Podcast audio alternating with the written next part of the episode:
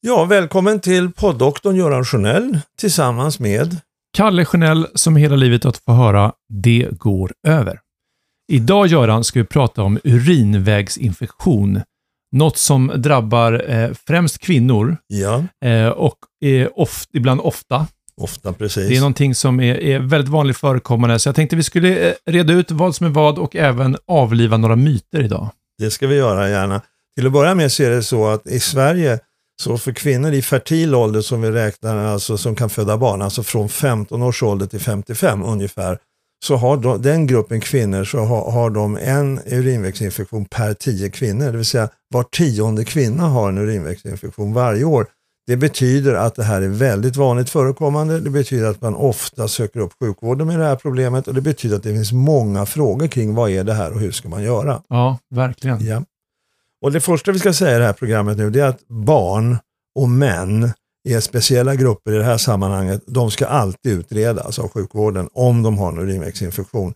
Det är ingenting så att säga för att man ska tänka sig egenvård eller, eller så vidare, utan det, det är sjukhuset som ska sköta det. Ja, och vad är det för symptom då på män Ja, barn? symptomen alltså på barn, barnen är lite, det är lite svårare. Alltså, det, barn kan bara ha hög feber. Småbarn kan ha bara hög feber Ah, och faktiskt okej. ingenting mer. Och, men var ganska sjuka med hög Ja. feber. De, så man har hög feber och inget annat, då tar man alltid urinprover och kollar upp att det inte är det. Ja. Eh, annars är det vanligare för män, ja det är det här till svider när man kissar helt Ja. enkelt. Det, det, man, det, det, det, det, man måste gå ofta och det svider. Mm. Och eh, för, för då den stora gruppen kvinnor, de är i mellan 50, 15 och 55 år, där är det så att det här är en självläkande sjukdom som går över av sig själv, oftast på två, tre dagar. Ja. Och, det är van, och anledningen till att det kommer att kvinnor får det så ofta, det är att urinröret hos kvinnor är bara ett par centimeter långt. Och det skiljer då den, den ganska bakterierika yttre världen i underlivet till den bakteriefria sterila miljön inne i urinblåsan.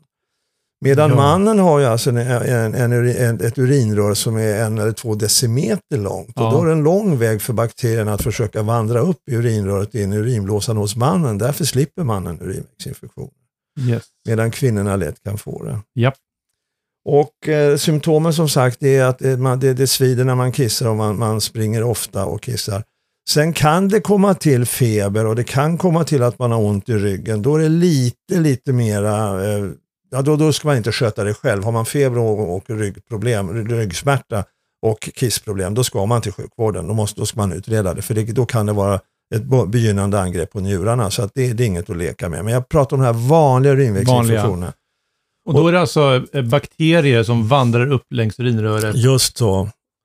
Kommer in i urinblåsan. Ja, precis. Och det, där, där det, det, det, det finns flera olika skäl till att det, att det blir på det sättet. Men först så vill jag liksom ändå säga det att, att vad, vad, behandling med paracetamol, äh, Alvedon, Planodil för att minska besvären i två, tre dagar så, så blir man frisk. Det, är- det är att rekommendera. Ja. Men jag har sagt det till en del av mina kvinnliga patienter, ja du Göran, har du försökt att ta, att ta en taggtråd och dra, dra genom urinröret? För så känns det. Det finns ju de som alltså har väldigt svåra symptom och då är antibiotikabehandling, då är det det man ska göra för det, då får man, blir man snabbt bättre. Så att Ja. det, det går inte bara att säga att ta, ta Nej. paracetamol. Ja, sen eh, är det också så att det, det finns olika s- orsaker till att det blir så här. Man tänker nu efter, vi började med att kvinnans urinrör är alltså två centimeter långt och det skiljer yttre världen från den inre sterila världen. Mm. Då är det sådana såna saker som till exempel att eh, man tvättar sig för ofta i underlivet. För ofta. Ja, för ofta och Mm. med tvål. Vad man gör då är att man förändrar eh, miljön som är utanför urinröret i underlivet så att man tar bort bakterier och annat som är bra, som skyddar. De försvinner och då blir det lättare för de elaka bakterierna att ta sig upp. Så det ska man vara försiktig med. Oh, wow. Det låter som att det tvärtom vore bättre att man Ja, bättre man- hålla sig ren. Ja, man, man tycker det, men, men alltså, eh, om du tänker det, det kvinnans underliv, alltså innanför blygdläpparna, låt det vara i fred. Den miljön där inne, den sköter sig själv väldigt bra. Alltså, den Så har- det handlar mer om att man får inte tvätta för långt in? Ja, det, ja, precis. Det är det viktigaste. Ja. Det är det viktigaste. Okej. Mm. Sen hade du några funderingar också. Ja, det finns ju ett antal myter Ja. eh, kring detta och en utav dem är ju det här med, alltså, med kyla, att sitta på kalla eh, ställen och kanske blöta badkläder och, och den sorten har man ofta hört. Eh, Som eh, doktor, hur resonerar ni?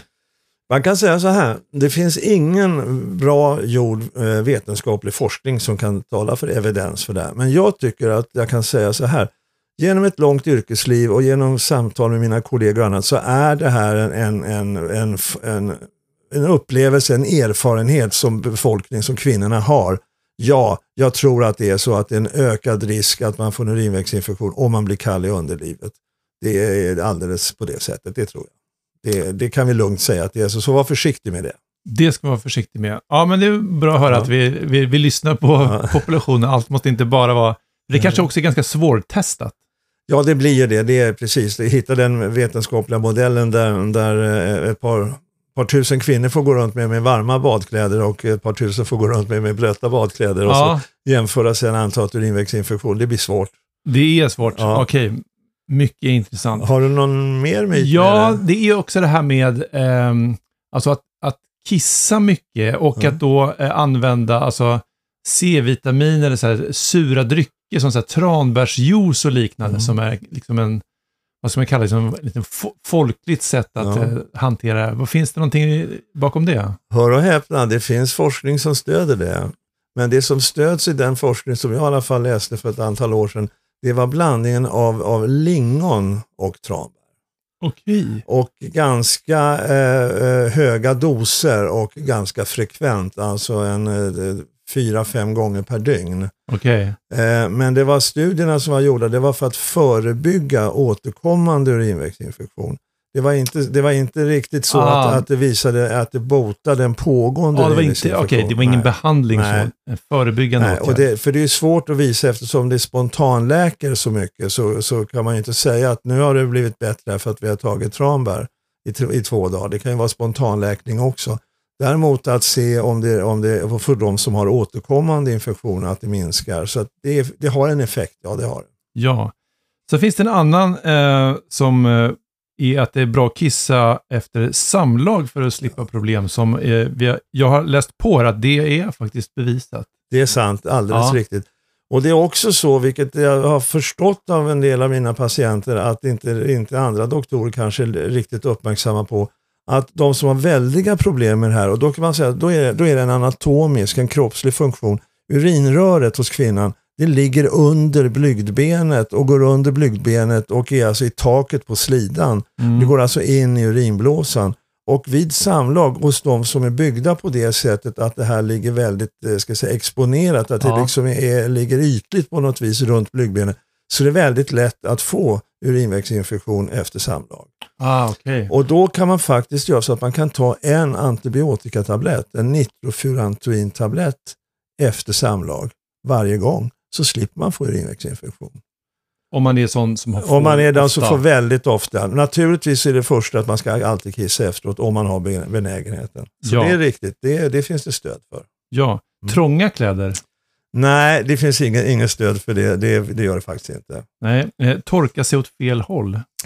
Eh, Ja, det, det, det känns ju som en, en, en, en rimlig eh, vetenskaplig tanke eftersom där, i- kring, av- kring ändtarmen så finns ju Ja. de- kolibakterierna Mm. och det är de som alltid, nästan alltid förekommer vid urinvägsinfektion. Ja. Så att torka sig åt fel håll, ja det ska man undvika. Man ska torka sig åt rätt håll. ja. Det är riktigt. Och sen så tror jag att man ska tänka så, det, och det, gäller, det är att man ska inte torka så att säga för, för hårt, utan man ska mer tänka på att moderna eh, toalettpapper är väldigt sugande.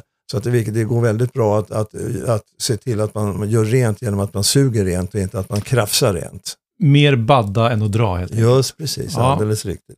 Så är det. Sen eh, ska jag lägga till ytterligare, för det finns det en Ja. grupp till och det är, Ja. det är de äldre kvinnorna och det börjar vi få fler och fler nu i det här landet. Mm. Det är alltså kvinnor som är, är pensionärer över 65 år Mm.